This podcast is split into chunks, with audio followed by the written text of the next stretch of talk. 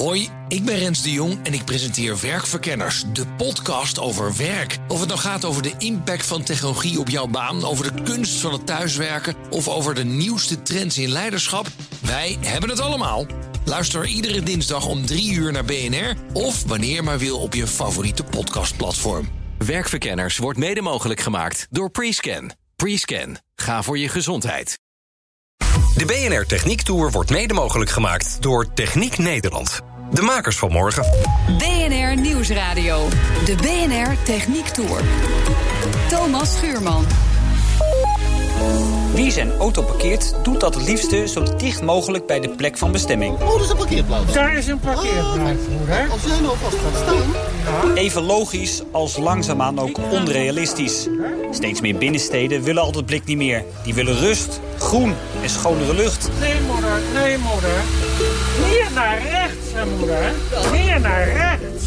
Duidelijk aangeven, want je staat maar een beetje te zwaaien. Deze aflevering van de BNR Techniek Tour gaat over de techniek achter parkeren. Al zou de hele binnenstad autoluw worden, dan lost dat niks op. Want mijn moeder kan niet parkeren. Parkeren gaat over de auto. Rijdt hij autonoom bijvoorbeeld. En parkeren gaat over het parkeersysteem. Hoe en waar u straks uw auto precies neerzet is volgens deskundigen moeilijk te zeggen. Al zal de parkeerbehoefte alleen maar toenemen. Goedemiddag, ik ben Jesse Heitlaar. Ik ben Technology Director bij eh, WPS. WPS zorgt al 30 jaar voor parkeeroplossingen. We nemen wat ontwikkelingen door. Betalen. Dit kastje zoals we die hier zien, hè? Gaat hij weg? Nou, hij eh, gaat in ieder geval een andere vorm aannemen. En in sommige gevallen zal hij inderdaad weggaan. Dat is misschien over tien jaar zo. In de tussentijd verandert hij genoeg. En wat we hier bijvoorbeeld zien, is dat hij een groter scherm heeft gekregen. Waardoor je er al veel meer mee kunt dan alleen maar een kaartje trekken. Maar hij gaat uiteindelijk weg. Dat gaat niet zonder slag of stoot? Dat gaat niet zonder slag of stoot. Uh, parkeren is wel een, uh, het organiseren van, van uitzonderingen... en het combineren van een hele hoop zaken bij elkaar. Vandaag zijn we nog niet zover dat je met alleen een app kunt, kunt parkeren. We moeten nog steeds ook met cash of met, met kaart kunnen betalen. De moeilijkheid zit hem erin dat jullie moeten combineren? Wij combineren heel veel. je kunt zich voorstellen dat, dat onze klanten toch een exploitatie te draaien hebben. En om 10% van hun klanten te negeren dat, uh, dat zou geen, uh, geen wijze beslissing zijn. Nee, maar hoe combineer je al die verschillende mensen die zo'n parkeergarage inrijden? De ene is abonnementhouder, de ander die komt alleen om even ja, een nieuw shirtje te kopen. Nou, we bouwen modulaire software. Die hosten we vanuit de cloud. En per klant of per locatie kijken we welke modules dat we aan of uit moeten schakelen. En in het ene geval is dat inderdaad een abonnementsysteem... omdat een parkeergarage onder een bedrijfsverzamelgebouw uh, staat. In een ander geval gaat het om het ontsluiten van een mobiele betaalprovider... zoals Yellowbrick of Parkmobile. Hoe zit het met de slagboom? Toch vrij kenmerkend voor een parkeergarage. Slagboom. Voor een hoop garages zal die eruit gaan. En in andere gevallen juist niet. Uh, u sprak net over de verschillende doelgroepen die er in één garage uh, tevoorschijn kunnen komen. Dan is het wel belangrijk dat je voldoende ruimte houdt voor een bepaalde groep. Als abonnementhouders altijd naar binnen mogen gaan, dan is het wel de bedoeling dat er ruimte is. Heb je geen slagboom meer, dan heb je ook geen enkel middel om te voorkomen dat die vol is. Voordat je je uh, belangrijkste klanten binnen hebt staan. Je weet dus langzamerhand toch wel wie er binnenkomen met die camera's die daar hangen? Nou, die camera's worden steeds beter. Uh, leuk ook dat daar uh, machine learning een, een steeds grotere factor in is. Dat de herkenningsgraden omhoog gaan en dat we veel flexibeler zijn in waar we die camera's neerzetten. Herkennen ze nu nog niet precies hoe en wat dan? De meeste camera's kunnen al heel veel. En wat je nu ziet is dat we zelfs op type auto of op merkauto een, een ander aanbod zouden kunnen doen. En hoe vind je toch dat ene vrije plekje? Liefst dicht bij de goede uitgang. Een simpel groen of rood lampje is niet altijd mogelijk. Ja, en dat, dat lost zich ook niet zo, uh, niet zo makkelijk op. Vaak heb je toch, uh, toch zicht op, uh, op die garage. En, en zijn die lampjes daar niet de juiste toevoeging.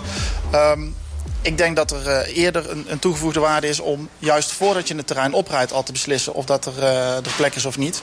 En daar zie ik in de komende jaren wel een, een grote ontwikkeling. Gaan we bijvoorbeeld naar een situatie dat we gewoon op het wegdek uh, misschien pijlen gaan krijgen? Ledlampjes of zo die mij naar de juiste plek toe dirigeren?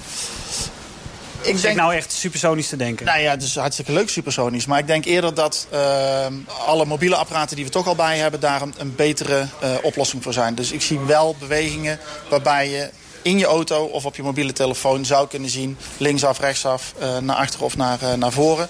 Omdat dat een hele goedkope en flexibele manier is van, uh, van informatievoorziening. En alles wat je aan de infrastructuurkant moet doen, blijft toch lastig. En een, een grote investering voor, voor de exploitant. Een interessante ontwikkeling voor WPS zijn pop-up parkeerplaatsen. Bij een bouwterrein bijvoorbeeld. Nou, je ziet zeker in de grote steden dat er heel veel ruimte eigenlijk beschikbaar is... maar die niet omgezet kan worden in een parkeerterrein... omdat er geen apparatuur is. Omdat er niet georganiseerd kan worden dat je daar heel plat kunt betalen voor het parkeren.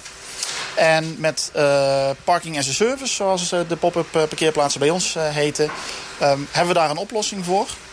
Omdat je het liefste wil dat mensen die zich nu op de weg bevinden... zonder dat ze vooraf een app moeten downloaden of een andere actie moeten ondernemen... meteen op dat terrein terecht kunnen. Wilt voor iedereen toegankelijk houden? Voor iedereen toegankelijk houden. Met alle verschillen die er zijn. Hè? De een dus nogmaals abonnement houden, de ander komt toevallig even langs. Ja, dat, uh, dat verhaal blijft, uh, blijft helemaal gelijk. Het leuke is wel dat we vandaag de dag apparatuur neerzetten... met een, bijvoorbeeld een pinautomaat erin.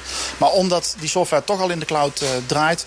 kunnen we in samenwerking met die eigenaar van dat terrein de mensen ook meer sturen richting een app. En als dat specifieke gebied zover is dat 99% gebruik maakt van die app...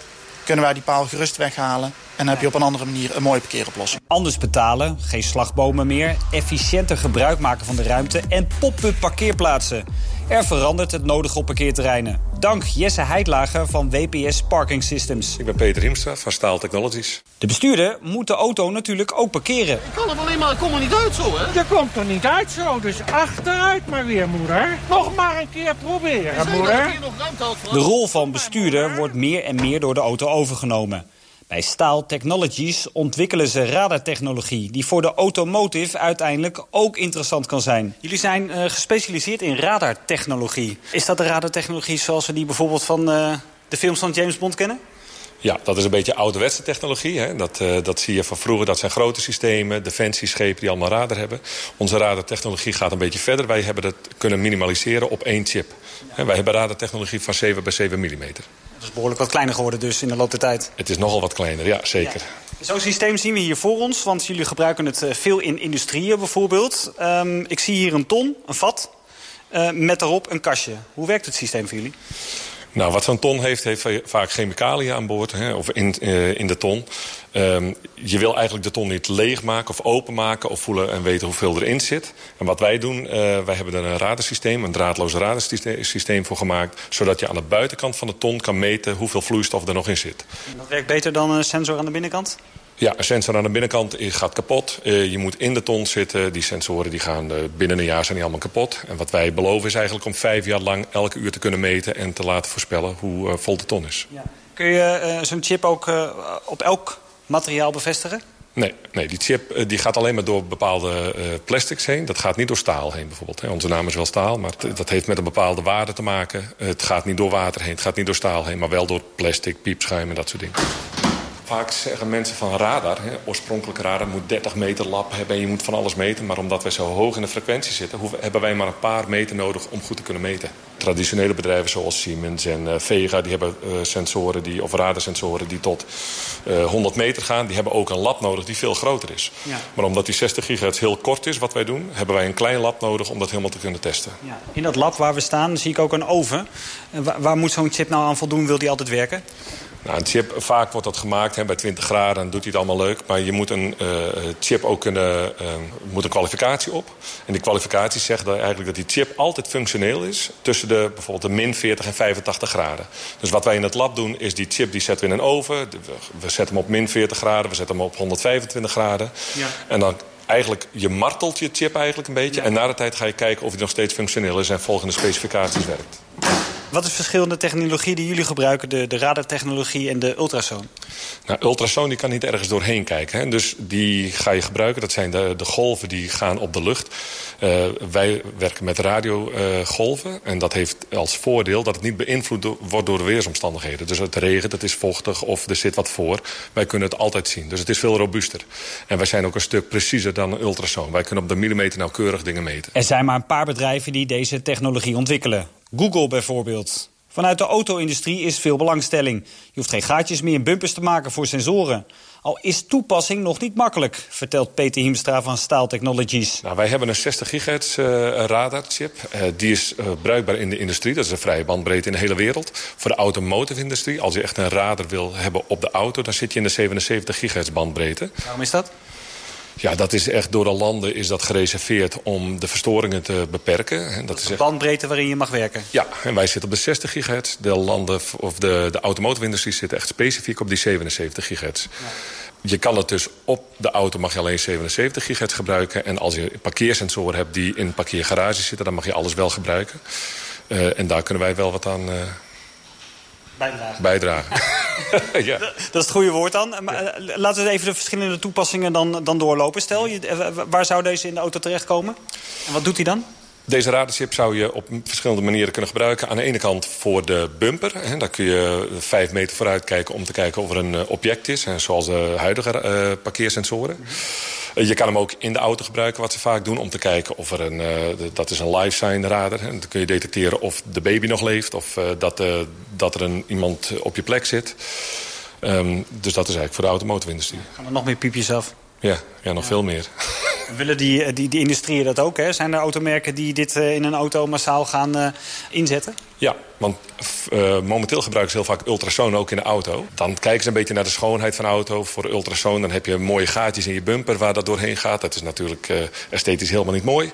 Dus ze willen heel graag die radarchipjes in de auto hebben. Achter de bumper, achter de, de, de plastics. En ze willen het op de tank zetten om te kijken hoe, hoeveel je tank er vol is. Dus de, uh, er is heel veel interesse in automotive. Ja. Uh, daar zitten dus wat restricties. Hè? Uh, voor andere doeleinden, als het gaat om parkeren... is het dan een stuk makkelijker om, om het toe te passen, die radartechnologie voor jullie? Hoe bedoel je dat? Nou, in parkeergarages bijvoorbeeld. Dat, maakt dat het werk voor jullie allemaal wat makkelijker?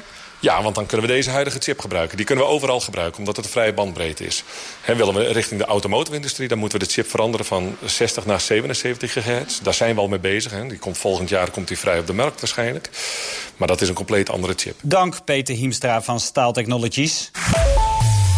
Wie op zaterdag met de auto boodschappen doet, zou het niet zeggen... maar parkeerterreinen worden zwaar inefficiënt gebruikt. Nieuwsradio. De BNR Techniek Tour.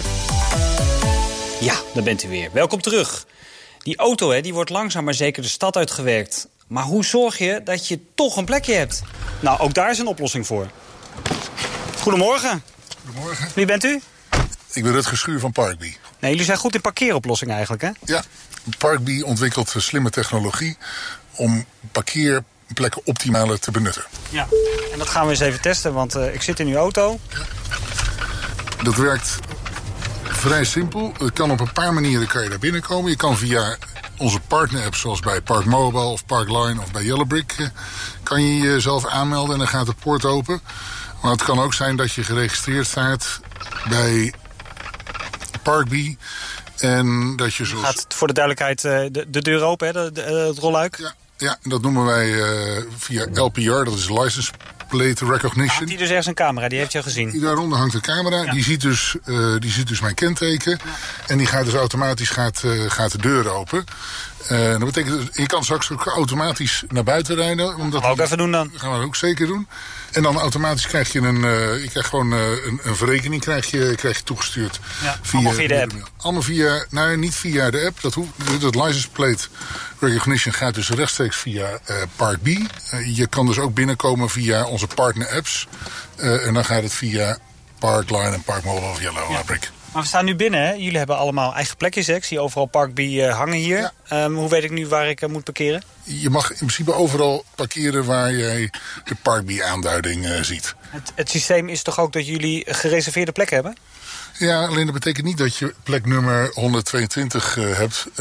wij, weten, wij weten precies hoeveel plekken er beschikbaar zijn. Ja. En dus hoeveel er nog vrij zijn voor de, voor de, voor de verhuur. Nou, laten we nog even naar buiten rijden dan. Even kijken. Het is een smalle parkeergarage, dus je moet wel even goed draaien. Ja. Nou, gelukkig zijn de parkeerplekken nog behoorlijk ruim uh, hier. Kijk, en je gaat, als het goed is, ga je nu zien dat, dat hij mijn kenteken ziet. Waar, waar is nu de camera dan? De camera hier, die hangt... Even kijken. Even achteruit. Die hangt Dat is even zoeken, maar hij heeft je gevonden? Hij heeft gevonden. Bij de camera alleen nog niet. Is dat jullie camera dan? Ja, dat is de camera die hebben wij opgehangen. Kijk, en nu, uh, nu gaat de poort dus automatisch open. Nu heeft hij mijn kenteken gezien.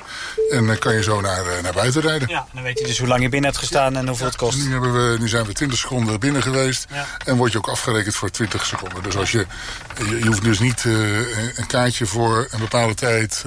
vaak zie je ook dat mensen veel langer betalen dan dat ze eigenlijk feitelijk parkeren. Dus je betaalt eigenlijk dan ook vaak te veel. Nou, dit is met deze manier van parkeren is dat dus niet het geval. Soms letterlijk op de fiets is in steden gezocht naar parkeerplaatsen. In publieke, maar ook in private parkeergarages. Na kantoortijd staan die veelal leeg. Zonde van die ruimte. Zeker in de, bijvoorbeeld in de binnensteden zie je dan dat, uh, dat de bewoners s'avonds weer naar huis komen. En die zijn vervolgens zijn ze anders een kwartier naar een parkeerplek aan het zoeken. Maar nu kunnen ze eigenlijk tegen een heel aantrekkelijk tarief... kunnen zij onder, uh, in die parkeergarages parkeren. Hoe aantrekkelijk is dat tarief? Ja, dat kan wel tot de helft uh, zo, zo hoog zijn, als, zo laag zijn moet ik zeggen... als bij de, zeg maar, de, de traditionele parkeergarages. Tot wel, dat betekent dat er verschil is. Soms ja. meer, soms minder. Waar ja. zit dat verschil in? Ja. Nou, Park, Park B die heeft een uh, algoritme gemaakt die, uh, waarin eigenlijk allerlei data toegevoegd uh, zijn. Die maken dat wij op een dynamische manier de prijs van een parkeerplek kunnen, kunnen vormen. Um, um, dat betekent dus, nou, is de parkeergarage, wordt die druk bezet of staat die half leeg? Dat zal een enorme invloed hebben op de prijs van een parkeer, parkeerplek. Ja. Maar dat kan, ja, dat kan ertoe leiden dat, een, dat daar wel, laten we zeggen, 50, 60 procent verschil zit tussen de tussen een dure of een goedkope parkeerplek. Ja, maar toch, hè, als we even naar Amsterdam kijken waar we nu staan... een, ja. uh, een beetje parkeergarage kost uh, x aantal euro per uur, hè, ja. rond, rond de 5 zoiets. Uh, maal 8 maakt 40 euro. Stel dat jullie voor de helft van de prijs voor een bewoner het kunnen aanbieden... dus 20 euro per nacht. Als je dat bij elkaar op gaat tellen, dan wordt het wel een duur abonnementje. Waarom is daar interesse voor? Dat klopt, um, maar vaak zie je dat als, als je voor een, een vast abonnement uh, gaat... dat je dan uh, vaak uh, minimaal hetzelfde kwijt bent en vaak nog wat, wat duurder. En je bouwt natuurlijk wel de flexibiliteit als, als bewoner. En wij zijn um, ook het moment van boeken kan ertoe leiden... dat je veel aantrekkelijke prijsstelling hebt. Waardoor je dus, ja, van de, zoals wij... Boeken is meer korting, zoiets? Ja, zo, wij noemen dat prepaid boeking maken. met een prepaid boeking kan je je eigenlijk inschrijven op een parkeer plek al vooraf. Uh, nou, en dan vaak leidt dat tot een veel aantrekkelijker tarief. Zo heeft Park B nu 130 parkeerlocaties waar zo'n 1 miljoen mensen gebruik van zouden willen maken. Want het werven gaat een stuk sneller dan parkeerplaatsen vinden. Klopt, en onze intentie is ook niet zozeer om, uh, om, om in de binnensteden allemaal nieuwe parkeergarages te bouwen. Maar we willen eigenlijk de uh, al reeds bestaande uh, ruimtes daarvoor, die willen gewoon optimale benutten. En, en, nou, en, dat, en dat kan helpen om uh, bijvoorbeeld de auto's van de straat af te halen, de, de parkeerkelders in te brengen. Nou, en, dat, en dat maakt dat de stad dan leefbaarder wordt, doordat je nou, die parkeerplekken kan vervangen door groen. Ja. En, en ook binnen de, een aantal grote steden zie je ook dat dat een belangrijk onderwerp is. Amsterdam die wil in uh, nou, 2023 willen ze 10.000 parkeerplekken uit de stad uh, halen. Um, ja, en dat is ook nodig om ja, de, zeg maar de verdichting van de stad uh, het, het tegen te gaan... en meer ruimte te creëren voor, voor parken en voor, voor groen.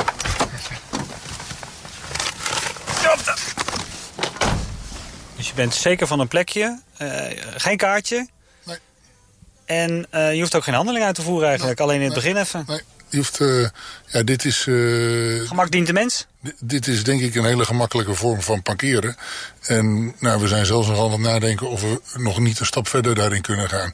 Um, naar de toekomst. En dat is heel leuk bij een innovatief bedrijf als Parkbee om daar, uh, daarmee aan de slag te gaan. Want waar denken jullie dan aan?